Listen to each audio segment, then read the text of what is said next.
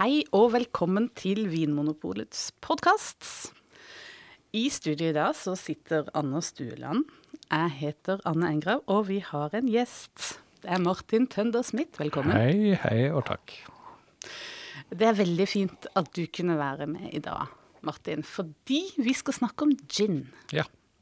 Og gin er jo noe som er eh, blitt veldig populært, og vi trenger å vite mer om gin. Det var populært òg, var det ikke det?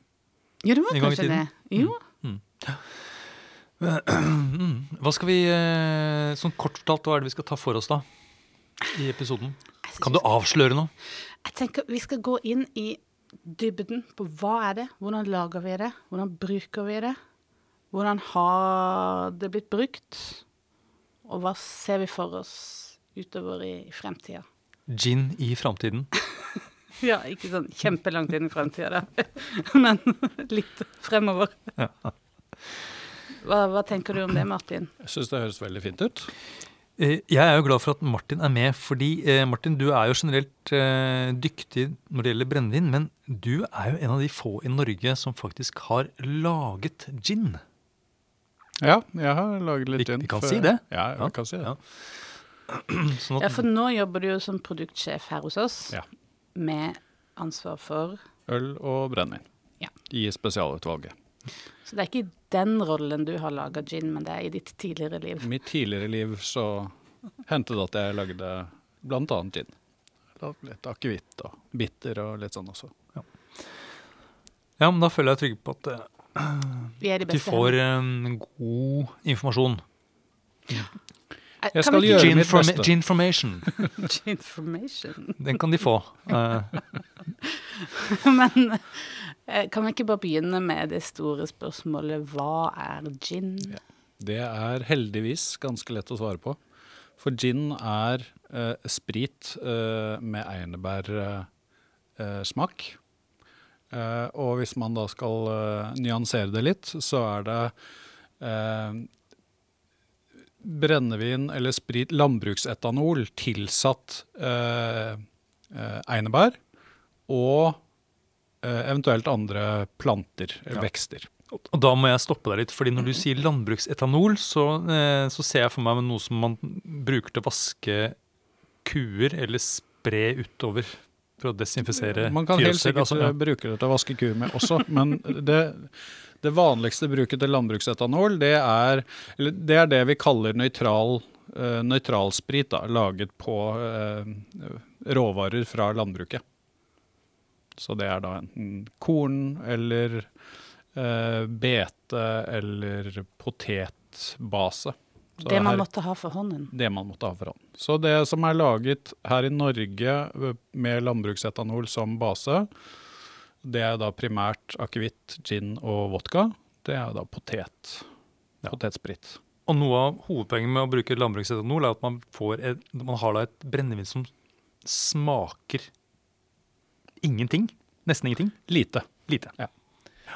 Du skal ha lite, lite preg av råvaren det er laget på.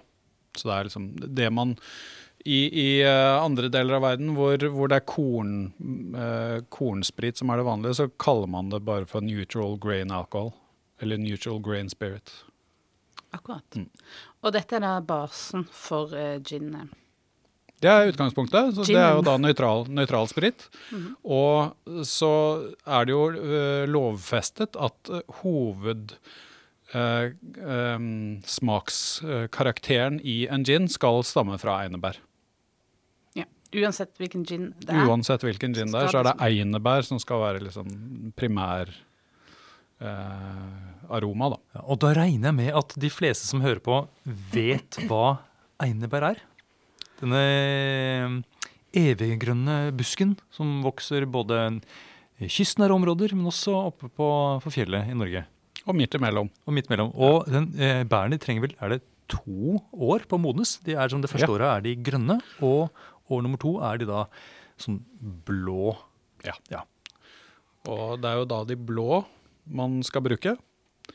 Eh, det var en del eh, Jeg vet ikke om det er det fremdeles, men for et par år siden så var det veldig trendy å bruke grønne einebær i, eh, på restaurant, liksom fancy restauranter og sånn. Helt til man skjønte at det er faktisk ikke så veldig lurt. For dette, det er noen giftstoffer i grønne einebær som måtte omdannes til noe som ikke er giftig når de blir modne. Akkurat. Så vi, vi er bruker blå einebær. Ja, Ligg unna de grønne. Einebær. Og det er jo ganske aromatisk, spesielt når de er tørka, egentlig. Ja, og det jeg syns er gøy med einebær i seg selv, er at uh, uh, du har et veldig bredt spekter av aromaer som stammer fra einebær. Så du kan bruke einebær både um, altså Du kan både få noen sånn friske topptoner, og du kan få noe ganske sånn rikt og, og dypt i, i aromabildet da, fra, fra einebæra. Jeg er helt enig. Når jeg tenker på einebær, så tenker jeg på noe, altså noe som er et spenn helt fra sånn kjøtt og moden ost til dette sånn rosmarin rosmarin, sitrusaroma nesten. Mm. Egentlig et veldig spennende bær, Faktisk. einebæret. Det er ikke søtt. Jo, det er faktisk Er det sant? Ja. Jeg har smakt eh, litt sånn eh, I hvert fall sånn kysteinebær som jeg har plukket. Ja. eh, og har på glass hjemme. De, jeg spiser et sånn, Av og til spiser jeg et par sånne bær til frokost. Eh, for jeg tenker at det er sikkert Det er sikkert sunt. Tror, Siden det er så vondt. Nei, det er ikke vondt. For det, for det som slår meg, at de er, eh, de, de, hvert fall de har plukket, de er søtere enn de der eh, man kjøper i butikken. Og, men de smaker også en veldig god einebærsmak. Og det er sikkert noe sånn eh, anti antiseptisk det er et annet, Jeg ser for meg at det er noe sunt. Ja, men altså, det er jo terpener i det. Eh, du, man kan jo faktisk lage uh, ginaktig eh, smak hjemme eh, ved hjelp av vodka, einebær man plukker selv og en mikrobølgeovn. Så kan du jo smaksette eh, vodka selv med einebærsmak. Ja, men det er jo veldig bra, for det tar oss jo rett til en sånn klassifisering. Men før vi, før vi gjør det, så Fordi jeg eh, eh, beit meg merke til i ett ord, og det var mikrobølgeovn. Jeg skjønte det med Sammensatt av tre. Ja, ja, ja. Jeg skjønte det med vodka og einebær. Mm. Eh, blander du de to, så får du eh, brennevin som smaker eh, einebær. Eh, altså gin. Men mikrobølgeovn, hvor kommer den inn i eh, bildet? Det, det er jo hvis man er utålmodig. Eh, og ikke Altså, den, den, den eh, sakte måten å gjøre dette på, det er jo å ta vodka, einebær, ha einebær i vodkaen, og så la det stå i noen uker. Så vil jo eh, til slutt vodkaen smake av einebær. Men hvis du våkner opp en morgen, eh, som du sa, hadde veldig lyst på einebær til frokost, så kan man da ta litt vodka, litt einebær, og så kan du ha det i en skål, og så kan du ha litt plastfolie over, sette det i mikrobølgeovnen. Halvt minutt. Så Åh. smaker det einebæret av vodkaen din. Og, da, eh, Og da har du laget en slags gin. På kjøkkenet hjemme hos deg. og poenget med denne plastfolien over da, er at eh, ikke alkoholen skal fordampe Nettopp. av. Ja, Skjønner. Mm. Ok, Yes. vær så god, Anne. Jo, takk. Eh, jo, for det eh, tar oss til inndelinga av gin. Eh, så vidt jeg har forstått, så er det altså tre måter å dele inn gin på som handler om produksjonsmetode. Ja. Og den ene er litt lik den du beskrev nå, minus mikrobølgeovn. Altså, øh, vi har tre forskjellige klassifiseringer, hovedklassifiseringer. øh, klassifiseringer. Den eh, enkleste av de er det vi da kaller gin, som rett og slett er nøytral alkohol, eh, som er tilsatt eh, aromastoffer, hovedsakelig fra einebær. Nettopp. Mm. Og de ligger sammen og, å godgjør seg. Eh, Er det, kan det være De kan uh, gjøre det på den måten, eller så kan du så tilsette einebær Uh, essensekstrakt. Ja, Så, så de kan ha på en måte noe sånn veldig sånn, eh, eh, konsentrerte eh, ting som de putter oppi, eller så kan de en, la det ligge og trekke som en sånn en te, nærmest. Og øhm, noen kaller dette for compound gin, øh, og øh, noen har kanskje hørt uttrykket bathtub gin, eller badekar-gin. Det er jo fra øh, en tid da man kunne lage altså F.eks. For forbudstiden i USA, hvor man da fikk tak i noe sprit av ymse kvalitet, og så hadde man det i store kar, hadde i f.eks. einebær. Eh, rørte det ut, lot det stå, og så fikk det smak av det du hadde oppi. Det er da en sånn eh, compound gin. eh, gin da. Og kanskje dekke over andre smak som ikke også Ja, og det, det er jo der det stammer fra. I dag så lages det flere veldig gode uh, ginner i den, uh, i, med den metoden. da.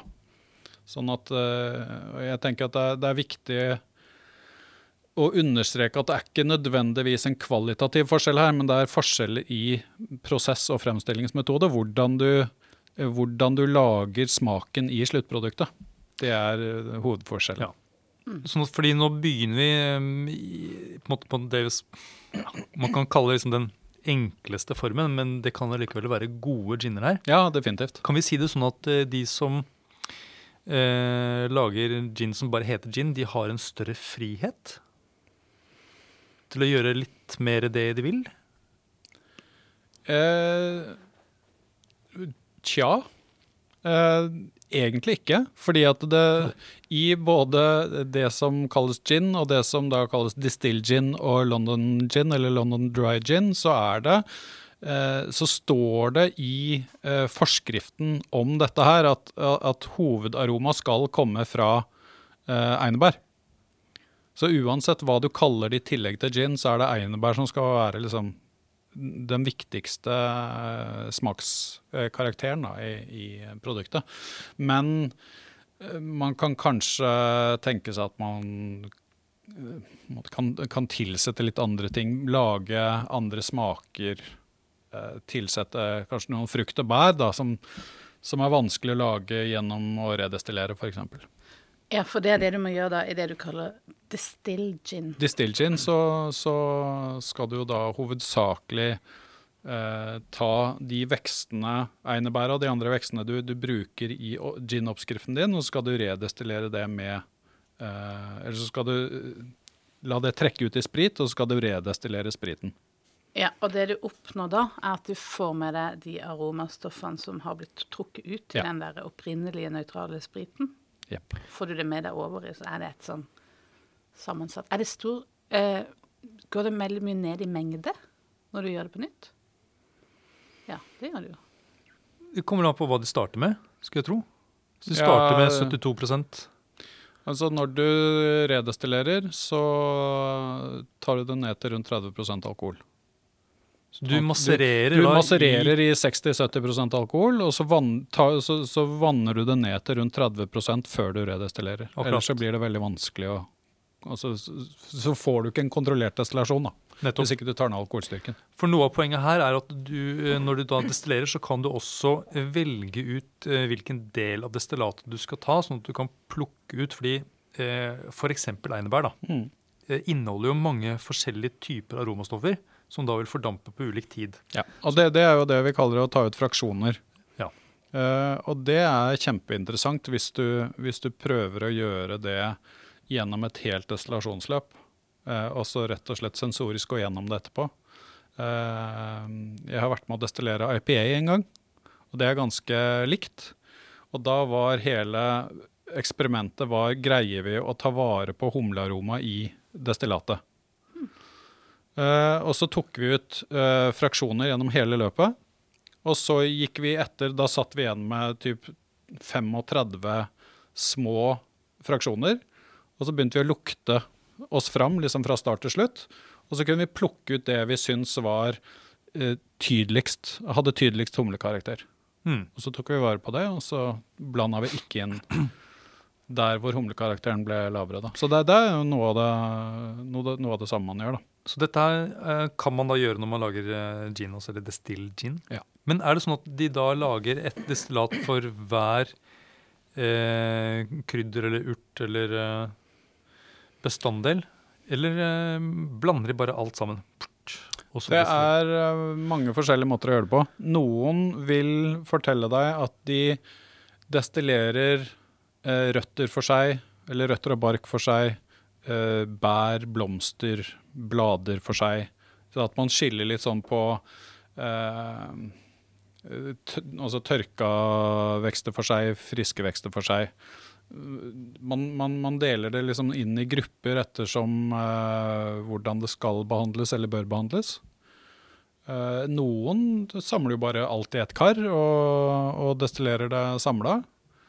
Og um, jeg tenker jo at uh, det handler jo da veldig mye om hva du ønsker å få fram i det ferdige produktet.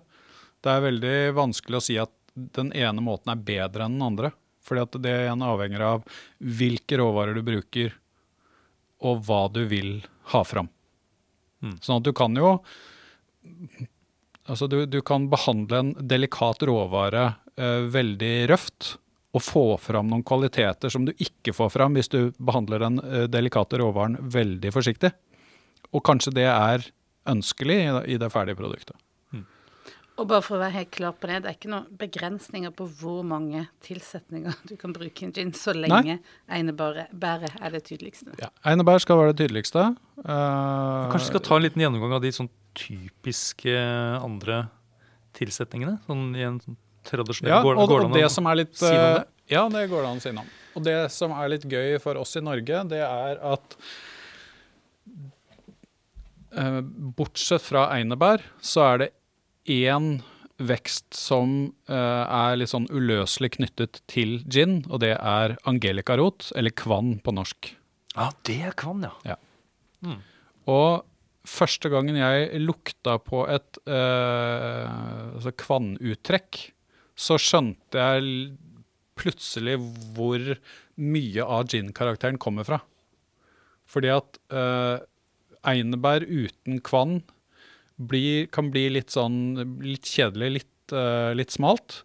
Mens uh, einebær og kvann, da får du på en måte uh, mye større bredde og Det er akkurat som kvann fungerer nesten som smaksforsterker på einebærkarakteren. Og kvann er den eneste, så vidt jeg vet i hvert fall, den eneste medisinplante eh, som stammer fra Norge, og som har spredt seg til resten av verden. Altså, det er en norsk plante. Den kommer fra norsk flora, og så var det da europeiske munker som tok det med seg ut i, ut i resten av verden. Kan ikke du beskrive smaken av kvann? Jeg vet ikke, Det er kanskje ikke så mange som har liksom, satt tenna i en sånn kvannrot? Nei, det skal man ikke gjøre heller. Å, nei. Ehm, det er ganske potent. Ehm, så Men jeg har jo laget en del kvannuttrekk. Uh, jeg har plukka en del uh, kvann selv og tørker det godt, for det må være tørka før du bruker det. Og det er en rot. er en, ja, du kan bruke frø, stilk, blader, uh, rot. Altså du kan bruke hele planta. Men, men det som er vanlig i ginproduksjon, er å bruke røttene, og så er det noen som bruker frøene. Har det en sånn eh, lakrisaktig aroma, eller er det mer sånn mot Jeg- selleri? ja, jeg- eh, jeg tenker sånn selleri. Ja. Selleri Buljong, og buljong Mm. med noe litt sånn topptoner Mm. av noe slag. Ja, Ja. Mot sånn- einebær, på en måte. Jeg ser for meg at den tilfører noe nesten som sånn type bass. Bassen i, i musikken, på en måte. Ja. Jeg tenker ofte på selleri når jeg tenker på kvann. Ja. Fordi at det har noe, det har noe eh, Kvann gjør på en måte det selleri gjør når du lager mat. Ja. Så, Ja, hva gjør sellerien? Nei, det, det, det er er ikke en en solist. Nei, ikke sant? Det er ikke en solist, Nei, men det er veldig viktig for at helheten skal funke. Da. Ja. Du bruker selleri som en, en, eh, en eh, viktig komponent for å bygge smak Ja. i en matrett. På samme måte så bruker du kvann på, litt på den måten når du lager gin, og til en viss grad akevitt. Så det, kvann, Og einebær, har vi den andre ja, altså typiske? løvetannrot, rognebær, eh, kanel, eh, kardemomme, eh, lakris. Sitrus.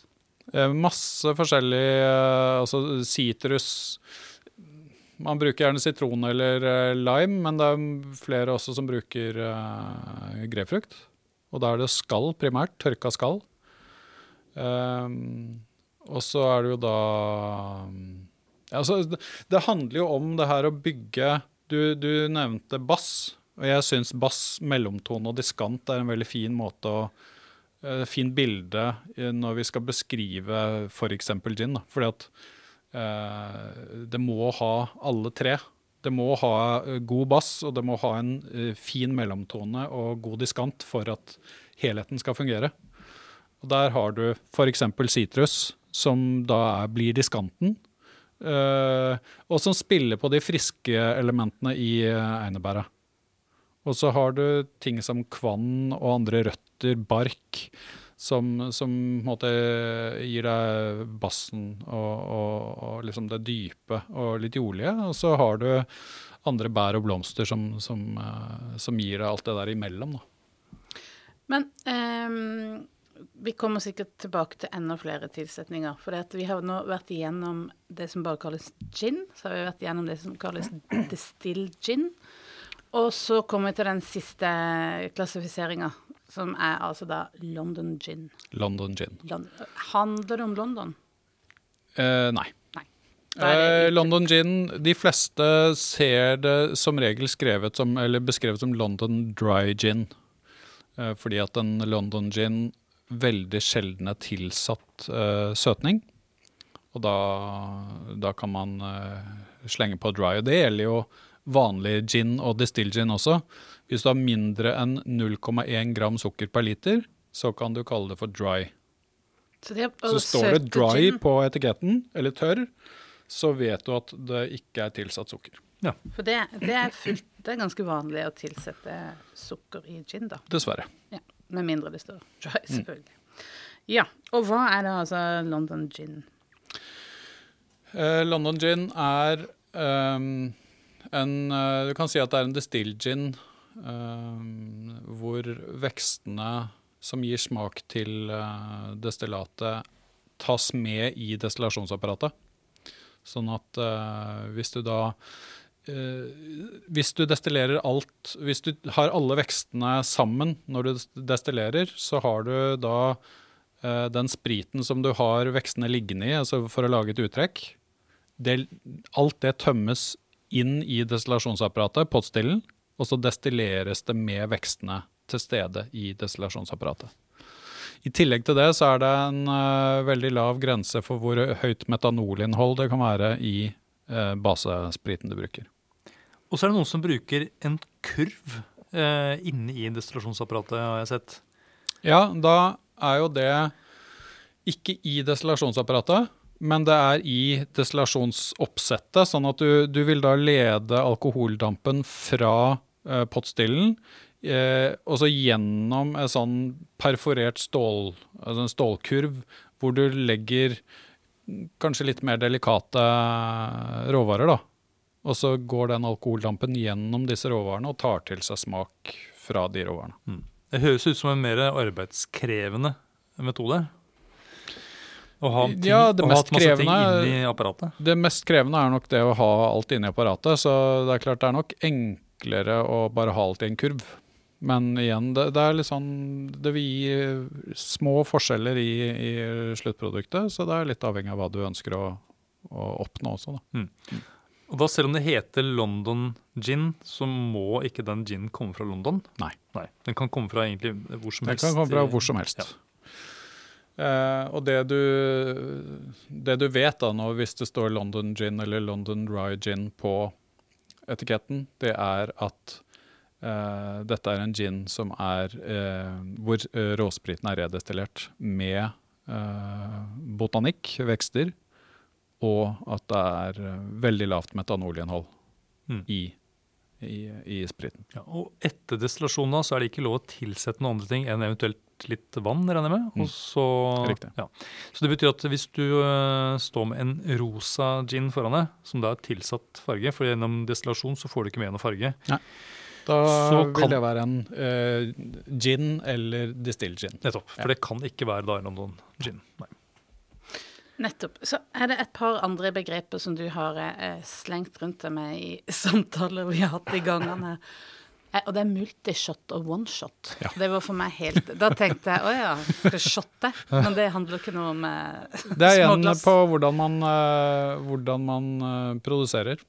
Eh, en en one-shot gin, det er da en gin hvor du um, Det ferdige produktet er ehm, Hvordan skal man enkelt forklare dette her, da? Er det ferdig produktet, holdt jeg på å si? Ja, Det er en én en destillasjon. ja det er én destillasjon. Altså I en multishot gin så, så, så lager du et veldig konsentrert eh, krydderdestillat. Og så blander du det ut med nøytralsprit etterpå. eh, for å på en måte, kunne lage mer gin ut av eh, få liter krydderdestillat. da. Men i en one-shot eh, gin så er så lager du det i den konsentrasjonen det skal ha på flaska. Ja, så da går det nesten rett i flaska, på en måte. Ja, Hvis man det, sier det litt det ligger på tank eh, og, og vannes ned. Eh, hviletid er viktig, og så selvfølgelig så skal det jo reduseres med vann. Men bortsett fra det, så er det liksom det er det ferdige, den ferdige sammensetningen da, som Ja. kommer ut av apparatet. Så det å drive med sånne multishot, det er eh, Du har sikkert mer kontroll på det ferdige resultatet, og så er det da mer det er mer bedre økonomi i det. Er bedre økonomi i det. Ja. det. Det lønner seg å lage multishot eh, gin, og jeg, jeg, eh, du, du skal være litt cocky hvis du påstår at uh, one-shot gin er bedre, eh, bedre kvalitativt. Men det er klart at du, du kan få litt andre, du kan fremheve litt andre ting, kanskje. Men eh, ja. De, de, sånn fleste ginne, de fleste ginene i dag er nok multishot. Men ja, for dette er uttrykk som er eh, nye for meg. eh, Men er det sånn at det kan stå på etiketten at det er en one-shot eller multishot, eller står det bak? Altså, Hvor mye informasjon er det vanlig å sette på bak Jeg etiketten? har lest eh, på noen Jeg kan komme på én eller to eh, produsenter som, har, som bruker det, eh, på en måte som kommuniserer at dette er en one-shot. Og da eh, skryter de gjerne litt av det. Men, men jeg har aldri hørt folk skryte av at de lager multishot gin. Det- Selv om det høres ut som du får mer for penger. Det, ja, så det betyr at Hvis du da skulle slumpe til å være med i en sånn blindsmaking av gin, og du da for å imponere litt, så kan du jo da si at er, sannsynligvis er dette en multishot. Ja. Du, Du- du, du- risikerer ikke å ta feil da. Du risikerer å ta feil, men det er en veldig liten, Liten risiko å ta. Ja. Ja. Og du vil imponere uansett. Det er klart. Men så er det et par andre begreper som vi bare må få ut av banen. For det er også noe, Vi har vært inne på London gin, men du har også Plymouth Ja. gin. Plymouth. Plymouth. Plymouth. Det er jo eh, gin som er laget i Plymouth. Vi, Rett og slett. Er da, er vi, da er vi i England. Eh, sør, stemmer det? Sør-England. Ja, Ved en sånn munning til en litt sånn mudrete elv. Kanal? Kanal. Det er vel en elv som renner ut der? Ikke? Å, det er det det òg, ja? Ja, det er det kanskje. Mm. Det kommer sikkert av Malt. Plymouth. Det kan hende. Nei, nå bare dette, Ikke ta det for god Ja, så dette handler mer om et geografisk sted. Ja. Så Plymouth gin Og kommer det henger jo da Plymouth. Og så henger det da sammen med den britiske marinen. Yes. Eh, Fordi eh, disse offiserene om bord på eh, disse skutene som seilte rundt i verden, de trengte gin.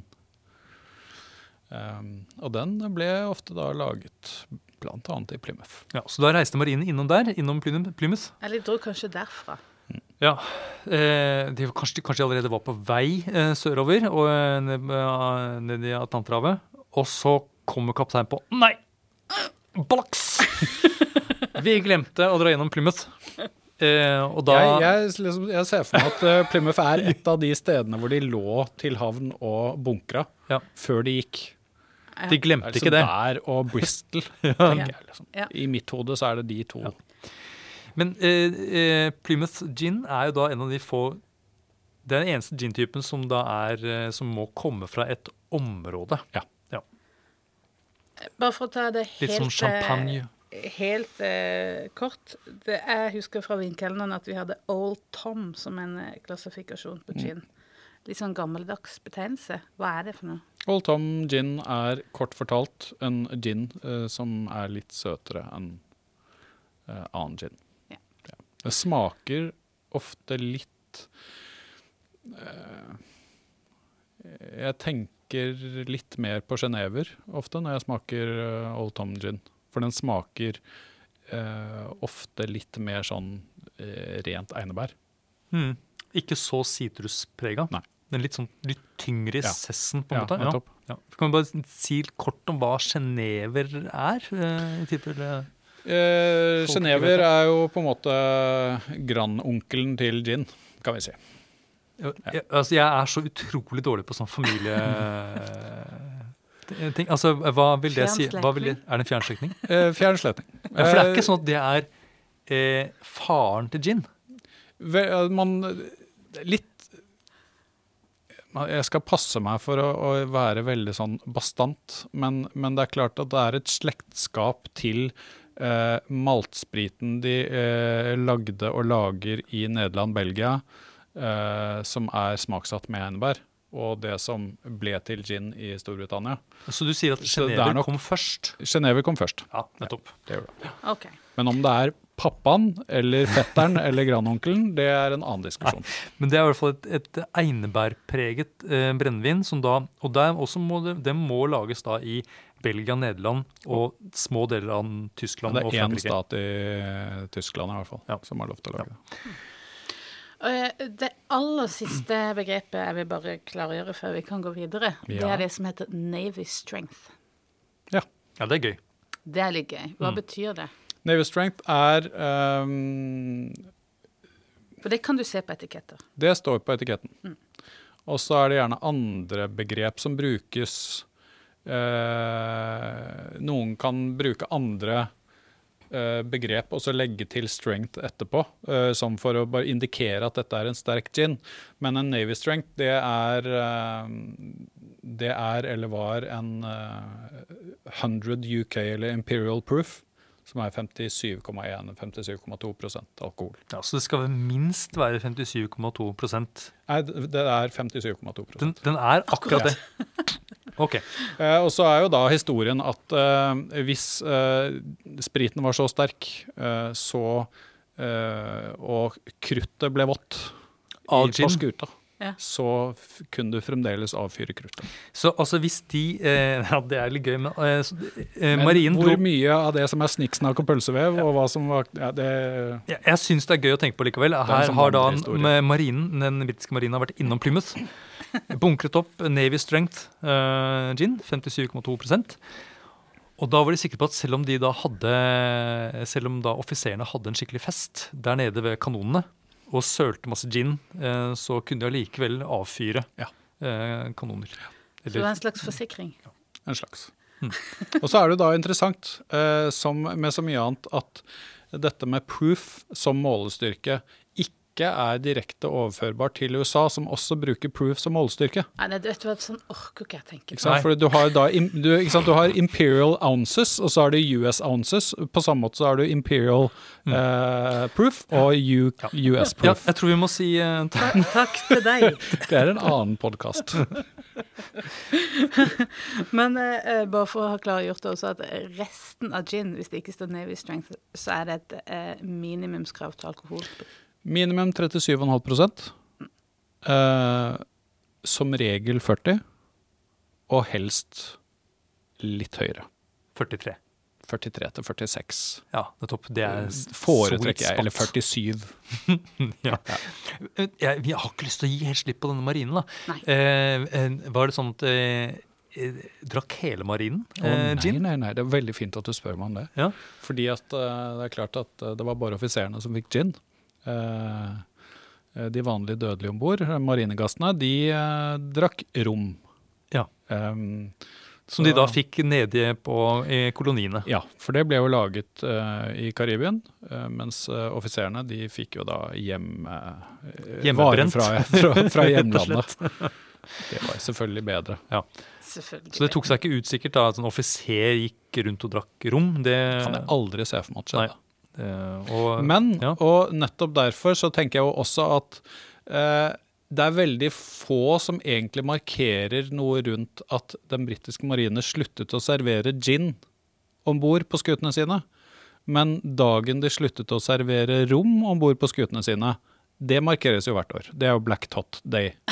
31. juli 1970, som var siste dagen britisk marinegaster fikk sin daglige romrasjon. Men hva står tot for, da? Det er jo da uh, den mengden de fikk. Ah, ja. One Tot. Akkurat. Black Tot, da var den tom. Black Tot. Det var siste, siste utdeling. Så ja. Ja. Det brukes ikke så mye tid på å, å sørge over ginen som ikke serveres lenger, men rom det, den har liksom satt litt med spor da, Mm. i, i marinen. For det var flertallet. Men nå har vi snakket om da genever, som da kan være en grandonkel eller en, eh, en far til, eh, til eh, gin. Men jeg tenker også på akevitt, når, når dere liksom har snakket om Ja, det er jo på en måte en ginproduksjon og tremenning. tre. Ja. Eller fetter. For det er også et brennevin som Eller starter kusine. For det også starter da som eh, et, jeg starter med et nøytralt brennevin, sånn landbruksetanol. Og så tilsetter man da eh, sånn krydderdestillat. Ja, det, det eneste som egentlig er, hvis du skal være veldig sånn overordna, den eneste eller viktigste forskjellen på gin og akevitt, er at i akevitt så er det dill eller karve som er hovedkarakter. I gin så er det einbær. Det er, eh, det er egentlig enkelt forklart forskjell. Ja, så de er egentlig Ja, nettopp. Det er, så det er liksom, hvis man skal si noe sånn Putte en sånn stor sekkebetegnelse, er dette snapser? Eller blir det feil å si kalle snapser? Ja, det er jo Snaps. eh, tysk, eh, tysk begrep. Jeg ville kalle det for krydder, eh, krydderdestillater eller krydderbrennevin. Krydderbrennevin. Ja. Mm. Mm. Mm. Og så har jo akevitt eh, i varierende grad, men en del har jo også fatlagring. Det er jo ikke vanlig for gin. Nei. Det, det har blitt litt mer vanlig nå de siste åra. Men uh, når jeg da sier at, uh, at akevitt og gin er like, så tenker jeg da primært på gin og blank akevitt. Mm. Fordi at med en gang du måtte legger til fatmodning, så får du et helt annet uh, sluttprodukt. Uh, men igjen, det er jo veldig interessant å smake fatlagret gin. Fordi at der får du også en sånn mellomting av eh, Det kan minne litt om akevitt, det kan minne litt om whisky, det kan minne litt om uh, genever. Eh, og så har det Ja. Det, det, blir, det blir et helt annet vesen. Fordi det er jo da en Det er jo ikke en stor trend, men det er noen som lager nå brune gin, som da er som vært fatlagra. Ja. Hva er de vanligste fatene i, sånn, når man Bur lager gin? Gamle bourbonfat. Så da får man dette litt sånn kokos-vaniljepreget.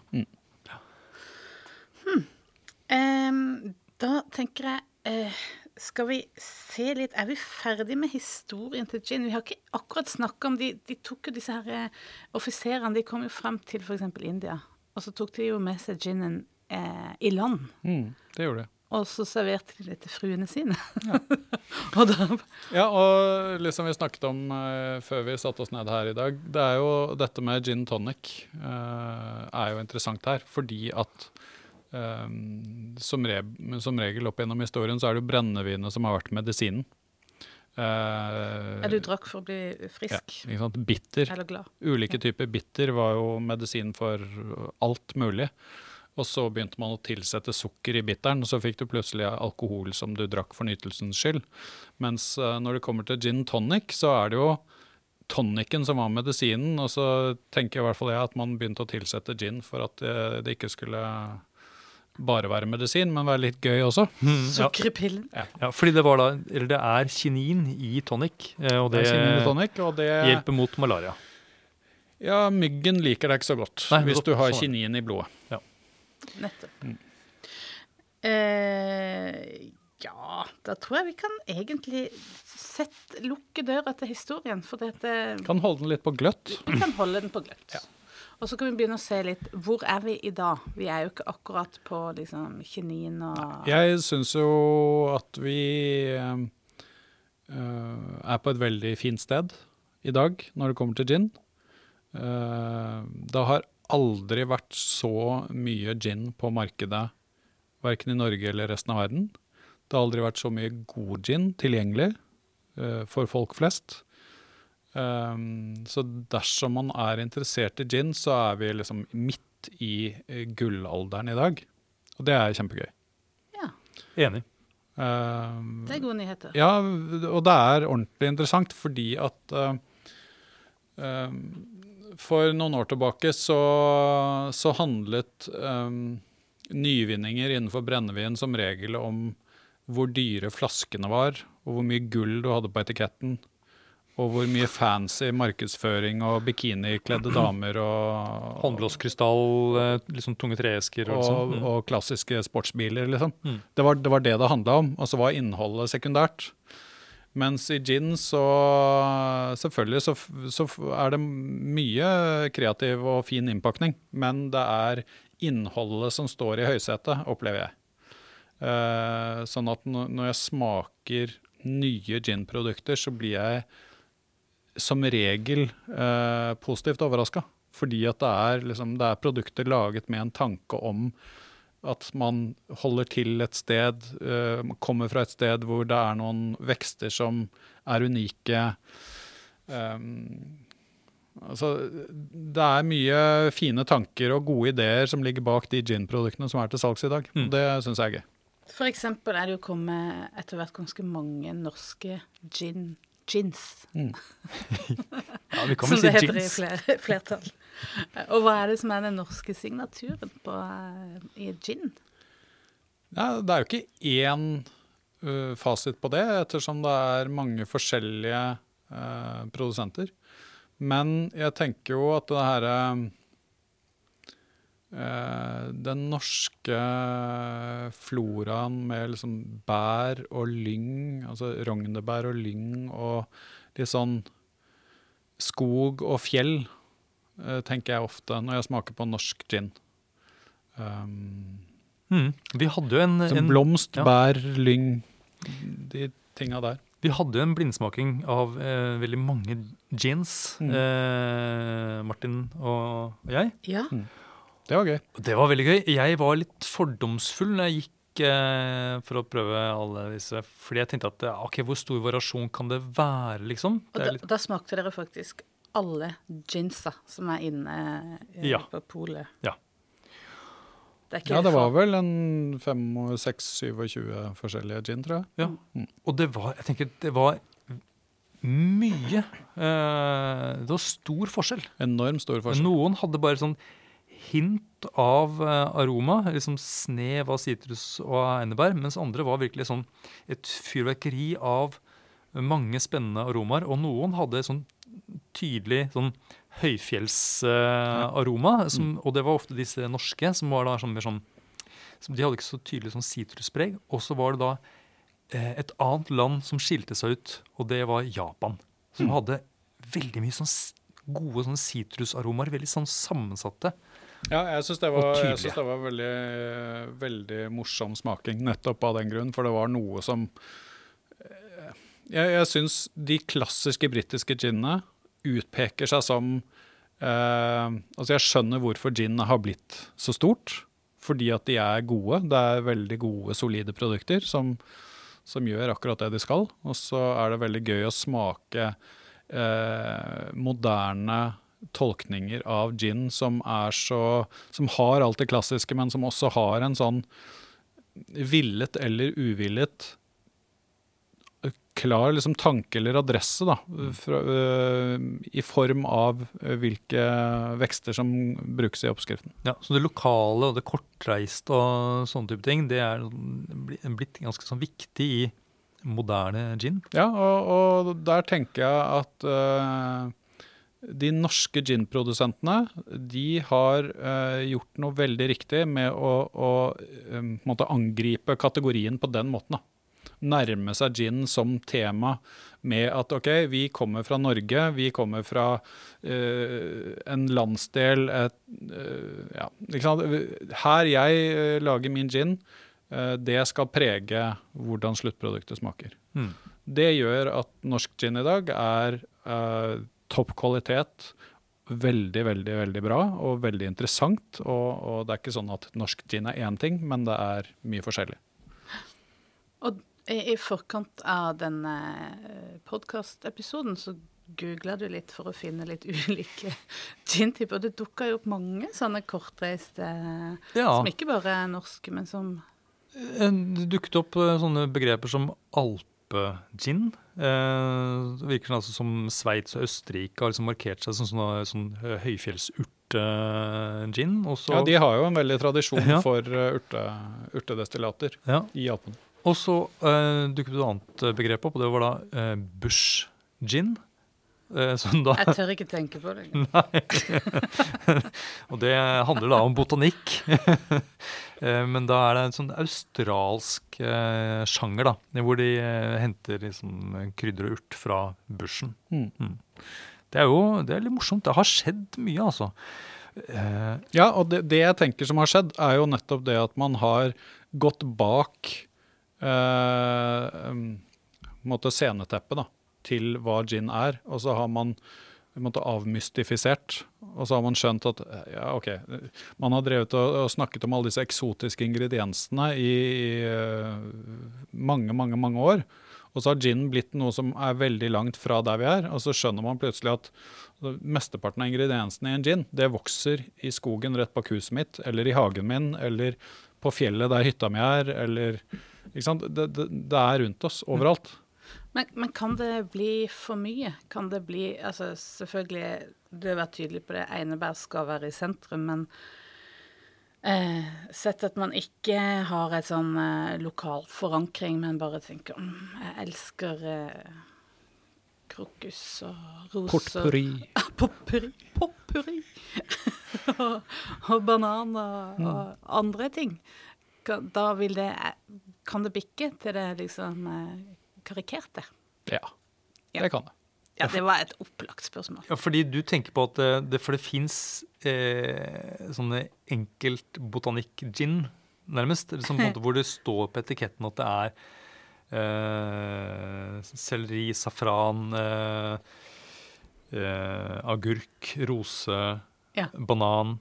Ja. Kanskje ikke banan, men eh, og, da, og da er liksom poenget med den typen gin er at det er liksom én eh, en aromakomponent som kommer liksom tydelig fram. Og for det første så skjønner jeg veldig sjelden hvorfor man da gidder å kalle det for gin. Fordi at veldig ofte så er dette ting som egentlig ikke har så mye med gin å gjøre lenger, fordi at det er så veldig overvekt av andre ting. D- Men ja, altså, gjør du vel for å selge? ja, ikke sant. men, men er det lo, har, får de lov til å kalle det gin? Fordi noe av kravet her er jo at det skal være et tydelig preg av einebær. Ja, og da er jo det eh, 5000 kroner spørsmålet er jo hva er tydelig preg? Ja, men eh, Jo, men altså hvis du Hvis du bare kjenner agurk, da, eller bare banan, eh, og bare et hint Altså du kan liksom tro at det er einebær, men ikke noe mer enn det. Da tenker jeg at det er ikke tydelig. Men finst det, er det, sitter det eh, noen som bestemmer dette her? Sendes all gin inn til et sånt eh, Gin police. Gin-panel? Ja, gin-panel eller Jeg gin-politiet? ønske, jeg skulle ønske at eh, det var eh, noe av det, i hvert fall. For at eh, i dag så Det er jo ikke, det er jo ikke tvil om at eh, begrepet gin begynner å bli litt utvanna. Pink gin tenker jeg er et veldig godt eksempel på noe som eh, gjort riktig er gøy og godt og interessant. Og gjort måte, kynisk og kun rent markedsorientert blir en utnyttelse av begrepet gin. Ja, dette er tror jeg du må utdype litt. Hva er Eh, pink gin? Pink gin er jo noe veldig mange har eh, begynt å lage de siste åra. Ligger i navnet. Det er eh, rosa gin. Stammer egentlig fra marinen, det også. Selvfølgelig. Uh, pink gin var jo egentlig det En av de tingene man drakk uh, i marinen, altså gin tilsatt uh, bitter. Oh, ja. Aromatisk bitter. Eh, som da en, en medisin Altså igjen da mage, skjørbuk, eh, alt dette her. Um, så pink gin er jo et, et gammelt begrep, men det man mener med pink gin i dag, det er gin eh, som er rosa, og som som regel har veldig mye av smaksegenskapene sine fra bær, røde bær, fortrinnsvis. Så det er bringebær, jordbær-aktig Mm. gin. Så hvordan vil du beskrive en, en god pink gin versus en som du mener er liksom mer tullete? Um, for meg så handler det mye om sødme. Eh, du kan lage veldig god pink gin hvis du, har, hvis du på en måte respekterer at det er gin vi skal lage. Eh, man skal kjenne det igjen som gin, det skal være tydelig eidenbærpreg her. Eh, det betyr ikke at det ikke kan ha mye smak og aroma av bringebær eller markjordbær eller rips, for den saks skyld. Men du skal kjenne det igjen som gin også. Og så er jeg veldig glad i de utgavene som da ikke tilsetter sukker. Lenger sør i Europa, bl.a. i Spania, så er jo måte, veldig mye av det som skjer innenfor gin, det, det skjer først i Spania. For Spania er det største ginmarkedet i verden. Eh, og der er de jo veldig glad i gin med masse sukker. Sånn at de store ginmerkene og deres pink gin, de er som regel så søte at eh, jeg ikke ville kalt det gin i det hele tatt. Da snakker vi om liksom 30-40-50-60 gram sukker per liter. Eh, så da har man vanna ut eh, gin-begrepet veldig, spør du meg. Men igjen, eh, hvis det står dry Hvis det står Ja, liksom Ja, da er det jo dry pink Hva står det? Pink dry gin? dry, pink. pink. dry. Når vi først er inne på sånne søte, søt gin, eh, det finnes noe som er enda søtere, og det er da slow gin. Ja. Ikke, ikke, ikke så mye sakte, altså, men, men slow, som det er slåpetorn. Ja. Det er jo en gin-likør. Ja. Eh, Men det er, det er ikke en gin, sånn Nei, det er ikke en gin. Nei. Det er ginlikør. Eh, i, I Storbritannia så er det slow gin og damson gin er jo de to vanligste gin-likørene. Og det er jo da gin uh, tilsatt eh, slåppebær eller uh, gin tilsatt eh, damson, eh, som er På norsk så kaller vi det for damaskusplomme eller krekeplomme.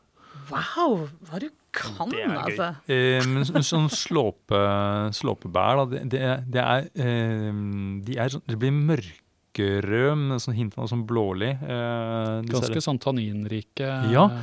de har litt- litt sånn stramhet over seg, og så er det noe som minner om sånn Nest litt sånn skogsbæraktig. Ja, jeg syns jo kombinasjonen Ja. med eh, altså gin og slåpe er helt nydelig.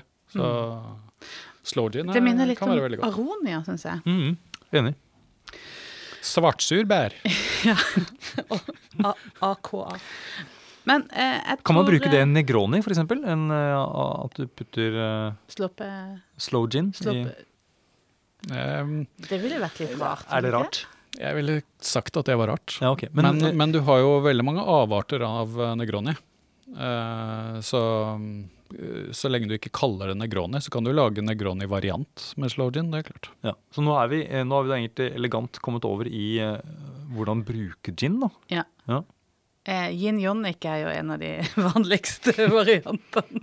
Også kalt gin tonic. ja, for de som uten talefeil. Eh, ja, og så har vi da snakket om at det, det fins liksom de litt forsiktige eh, hint, hint, einebær-ginene, og så fins det de ginene som er mye mer markante, enten sånn Mm. eh, høyfjell eller sitrus fra Japan. Mm. Så når du lager deg da en, en gin tonic, så kan du jo, eh, hvis du liker en tydelig eh, gin, ja, ginpreg i ton- gin tonicen, så kan du velge en av de som smaker litt mer. Men jeg syns jo det er pussig at vi har vært inne på liksom den eh, relativt nære slektskapet mellom genever og, og akevitt. Eh, men der er jo tradisjonen å ikke blande det ut. Mens det er jo veldig sjeldent man drikker gin uten å blande det ut. Det er interessant. Jeg tenker at det kanskje har litt med sukkerinnhold å gjøre, for i akevitt så er det som regel alltid sukker. Ah, ja. Jeg er veldig glad i gin. Det er veldig sjelden jeg drikker gin bar. Uh, men man har de her grensetilfellene. ikke sant? Jeg, jeg har jobbet som eller ja, det, er, det er mange år siden nå, men jeg har jobba som bartender, og jeg, jeg var veldig opptatt av klassisk bartending. Ehm, og har lært en del eh, å lage dry martini. Og der handler det om måte, der, kunsten å begrense seg. For det, det er jo en cocktail. Det, den har flere ingredienser, men det er jo nesten bare gin det smaker. Ja.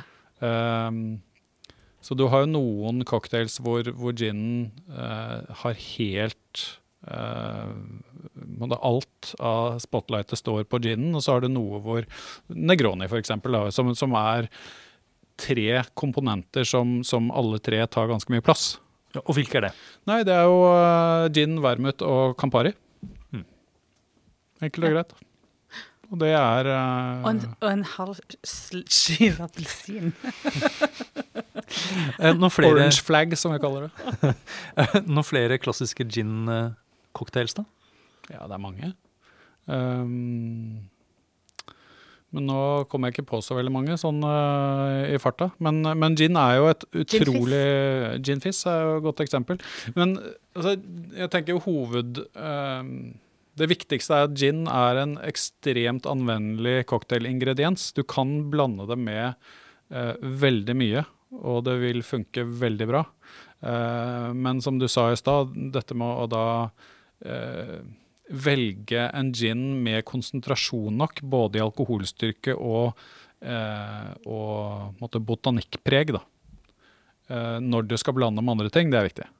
Sånn du, du Jeg ville, ville nok foretrukket en, eh, en, eh, en gin-cocktail med en gin på noen og 40 prosent, eh, fremfor en på 37,5. Eh, Sånn at du får en tydelig karakter av gin som, som er i miksen. da. Men, men så er det også et begrep som disse gin-produsentene slenger om seg med, og det er perfect serve. Ja. Og da er vi inne i markedsføringens herlige verden. Eh, det handler jo da om Perfect serve er eh, noe veldig mange brennevinsprodusenter snakker om. Eh, og aller mest så er det gin-produsentene som bruker det. Og det er rett og slett en produsents anbefaling til kundene sine om hvordan du skal servere denne ginen for å liksom vise den frem fra sin beste side. Uh, og så gjør de aller fleste gin-produsentene det veldig lett for kundene sine i tillegg, sånn at en perfect serve i gin-verden handler som regel om en eller annen variant av gin tonic. Ja, For ellers så blir det komplisert og vanskelig, og da er det ingen som gidder å gjøre det. Ja, akkurat. Men så de nevner kanskje da eh, hvilket merke gin tonicen skal ha, da? For å liksom Ja, ikke sant at uh, vi, uh, vi bruker bare denne tonicen fra uh, dette stedet. Vi bruker bare denne varianten av tonic fra dette merket. Uh, også garnityr. Hva, du, hva du pynter drinken med. Om det er rips eller lime eller grapefrukt eller kanelstang eller uh, Hva er det- rosmarin. Hva er det villeste, eller altså måtte, merkeligste garnityret du har vært borti sånn i gin-sammenheng? Jeg vet at du er en eh, konserv... Du er på en måte en gammel mann i en Ja. ung kropp. Ja. Ja. Ikke så veldig ung kropp heller, Ja, men uh, jeg er gammel, veldig gammel inni meg. Ja. Nei, altså, jeg syns jo Jeg syns jo alt annet enn lime er feil. Ferdig. raust. ja, ok, men, ja, men ja, jeg hadde håpet på noe litt eh, Men, men, men kan du Ja, det, var litt, det var litt fleipete. Hva er det rareste, litt- Nei, det rareste Lime, ikke sitron. Nei, nei, nei, Jeg, fikk ikke mange sitron. spørsmål som jeg stilte Men ikke sant, vi, nå er vi, allerede nå så er vi inne i litt sånn uh, minefelt. da. Fordi at hvis du er i Storbritannia og bestiller en gin tonic, så får du jo noe som bare minner vagt om en gin tonic, selv om det er derfra det kommer. Fordi at i Storbritannia så får du da som regel servert en eller annen øh, ganske dvask gin med én eller to isbiter og Daff tonic og en skive sitron. Du er mot isbiter? Nei, nei. Nei. Is er kjempeviktig. Ja. Eh, sånn at man må, liksom, man må vite hvorfor man bruker det man bruker. Da. Så det, du, skal ha, eh, du skal ha god is, du skal ha god garnityr, men garnityren må ha en funksjon. Du slipper ikke, du slipper ikke bare en klase med rips oppi glasset, og så tenker du at nå ser det flott ut, og da er det, da er det bra. Ja, det må være en tanke bak. Det må være en tanke bak. Ja. Så hvis du bruker garnityr som, som på en måte passer til eh, vekstene som er brukt i ginen, så tenker jeg at det har noe for seg. Ja, ok, så Norsk gin, da kan du putte oppi eh, Lyng. lyng, krekling Ja, jeg har sagt Kla- rips. klase av rognebær. Eh, Ja. Litt reinlav. Jeg, jeg, har, eh, eh, jeg har sett eh, noen eh, som brukte mm, eh, sånn her eh, gummi Sånn fisk, smågodtfisk som garnityr på gin tonic en gang. Da ble jeg litt sur. Ok, Så der går grensen. Det får være måte på. Ja.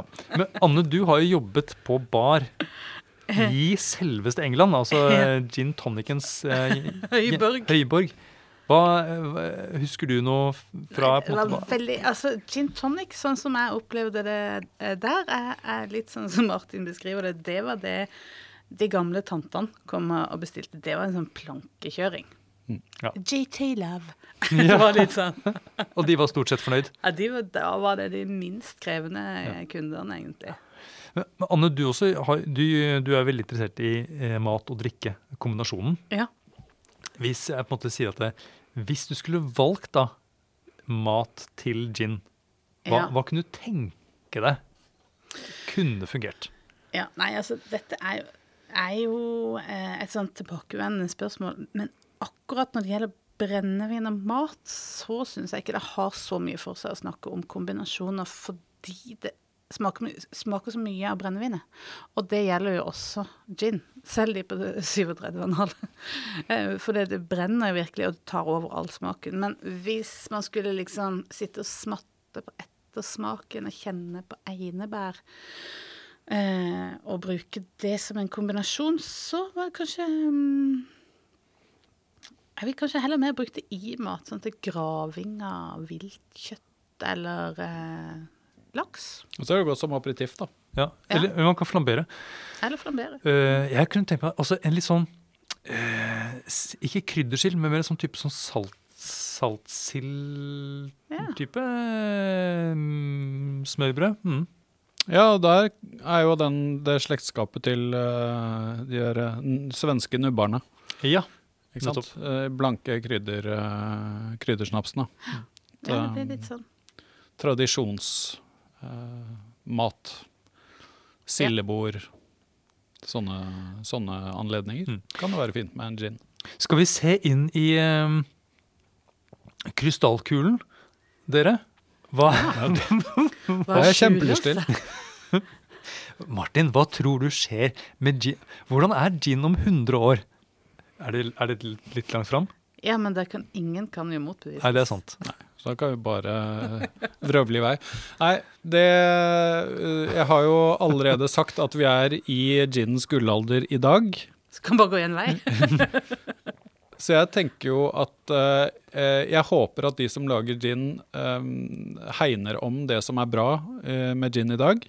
Hvor man har eh, etablert en forbindelse mellom planteriket og sluttproduktet. Det er kanskje det viktigste som har skjedd, i mine øyne. Uh, og så har du en, en annen ting som har skjedd, som har gjort gin til allemannseie, og det er f.eks. pink gin. Um, som kan være både positivt og negativt. Men, men jeg tenker jo at hvis vi da hvis vi holder fast ved det som uh, er den forbindelsen til planteriket, og kanskje til og med hvor vi uh, kommer fra Og så kan man tenke at uh, variasjoner av det er interessant. Uh, sesonger uh, Påskegin, sommergin, høstgin. Ja, altså i hvert fall sommer og vinter. Ja. Jeg tenker jo at en sommergin bør uh, ha andre kvaliteter enn, eller egenskaper enn en vintergin, Ja, for det er mågeskrig og reiger, Reger. for eksempel. for eksempel. Men vet dere hva jeg Altså, jeg tror, jeg tror det kommer før om 100 år, faktisk. Jeg tror i, om innen fem år, nei, ti år, så tror jeg vi har smoked gin. Ja, det har vi allerede. Nei. Jo. Du Eh, Det lages eh, Too late. Det lages noe smoked eh, gin. Akkurat. Ja, nei, da altså, du kan egentlig si at i, innenfor gin så finner du alt uh, i dag. I hvert fall nesten alt. Det jeg syns er gøy med det, er jo at det rommer så mye. Det er også grunnen til at jeg er litt bekymra for ginens framtid, fordi at uh, kreativiteten kan Altså du kan tøye strikken så langt at eh, man kan begynne å diskutere om det er gin eller ikke gin lenger. Ehm, så det er jo det jeg er litt sånn Jeg håper at folk har respekt for hva gin skal være. Sånn at hvis det sklir over i å være liksom en, en fruktkompott-sprit, så vær så snill å ikke kalle det gin. Eh, Kall det Jo, men, bringebærsnaps. kompott. ja, men det er det jeg tror kommer til å skje i fremtiden. Jeg tror gin kommer til å få barn. Ja, men, jo, jo, men, ja, men, det. er- men det er jo det som skjer nå. At vi eh, Jeg tror at vi om noen år har eh, en, en, eh, liksom, noen underarter av gin, da. Og da kan det bli helt ut i det ekstreme. Da kan du ha sånn enkeltkvansbrennevin. Ja, Og enkelt eh, mm, blomsterengsbrennevin. Litt sånn som folk eh, lager, liksom. Jeg har vært på besøk hos noen som har bare plukka litt sånn ulike ting de liker godt, som hylleblomster, sånn, putter det ned i eh, en flaske eh, vodka, og så gir bort til julepresang.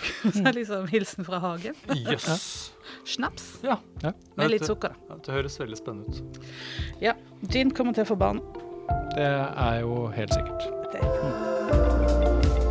Takk for at du hører på Vinmonopolets podkast. Har du forslag til et tema i podkasten?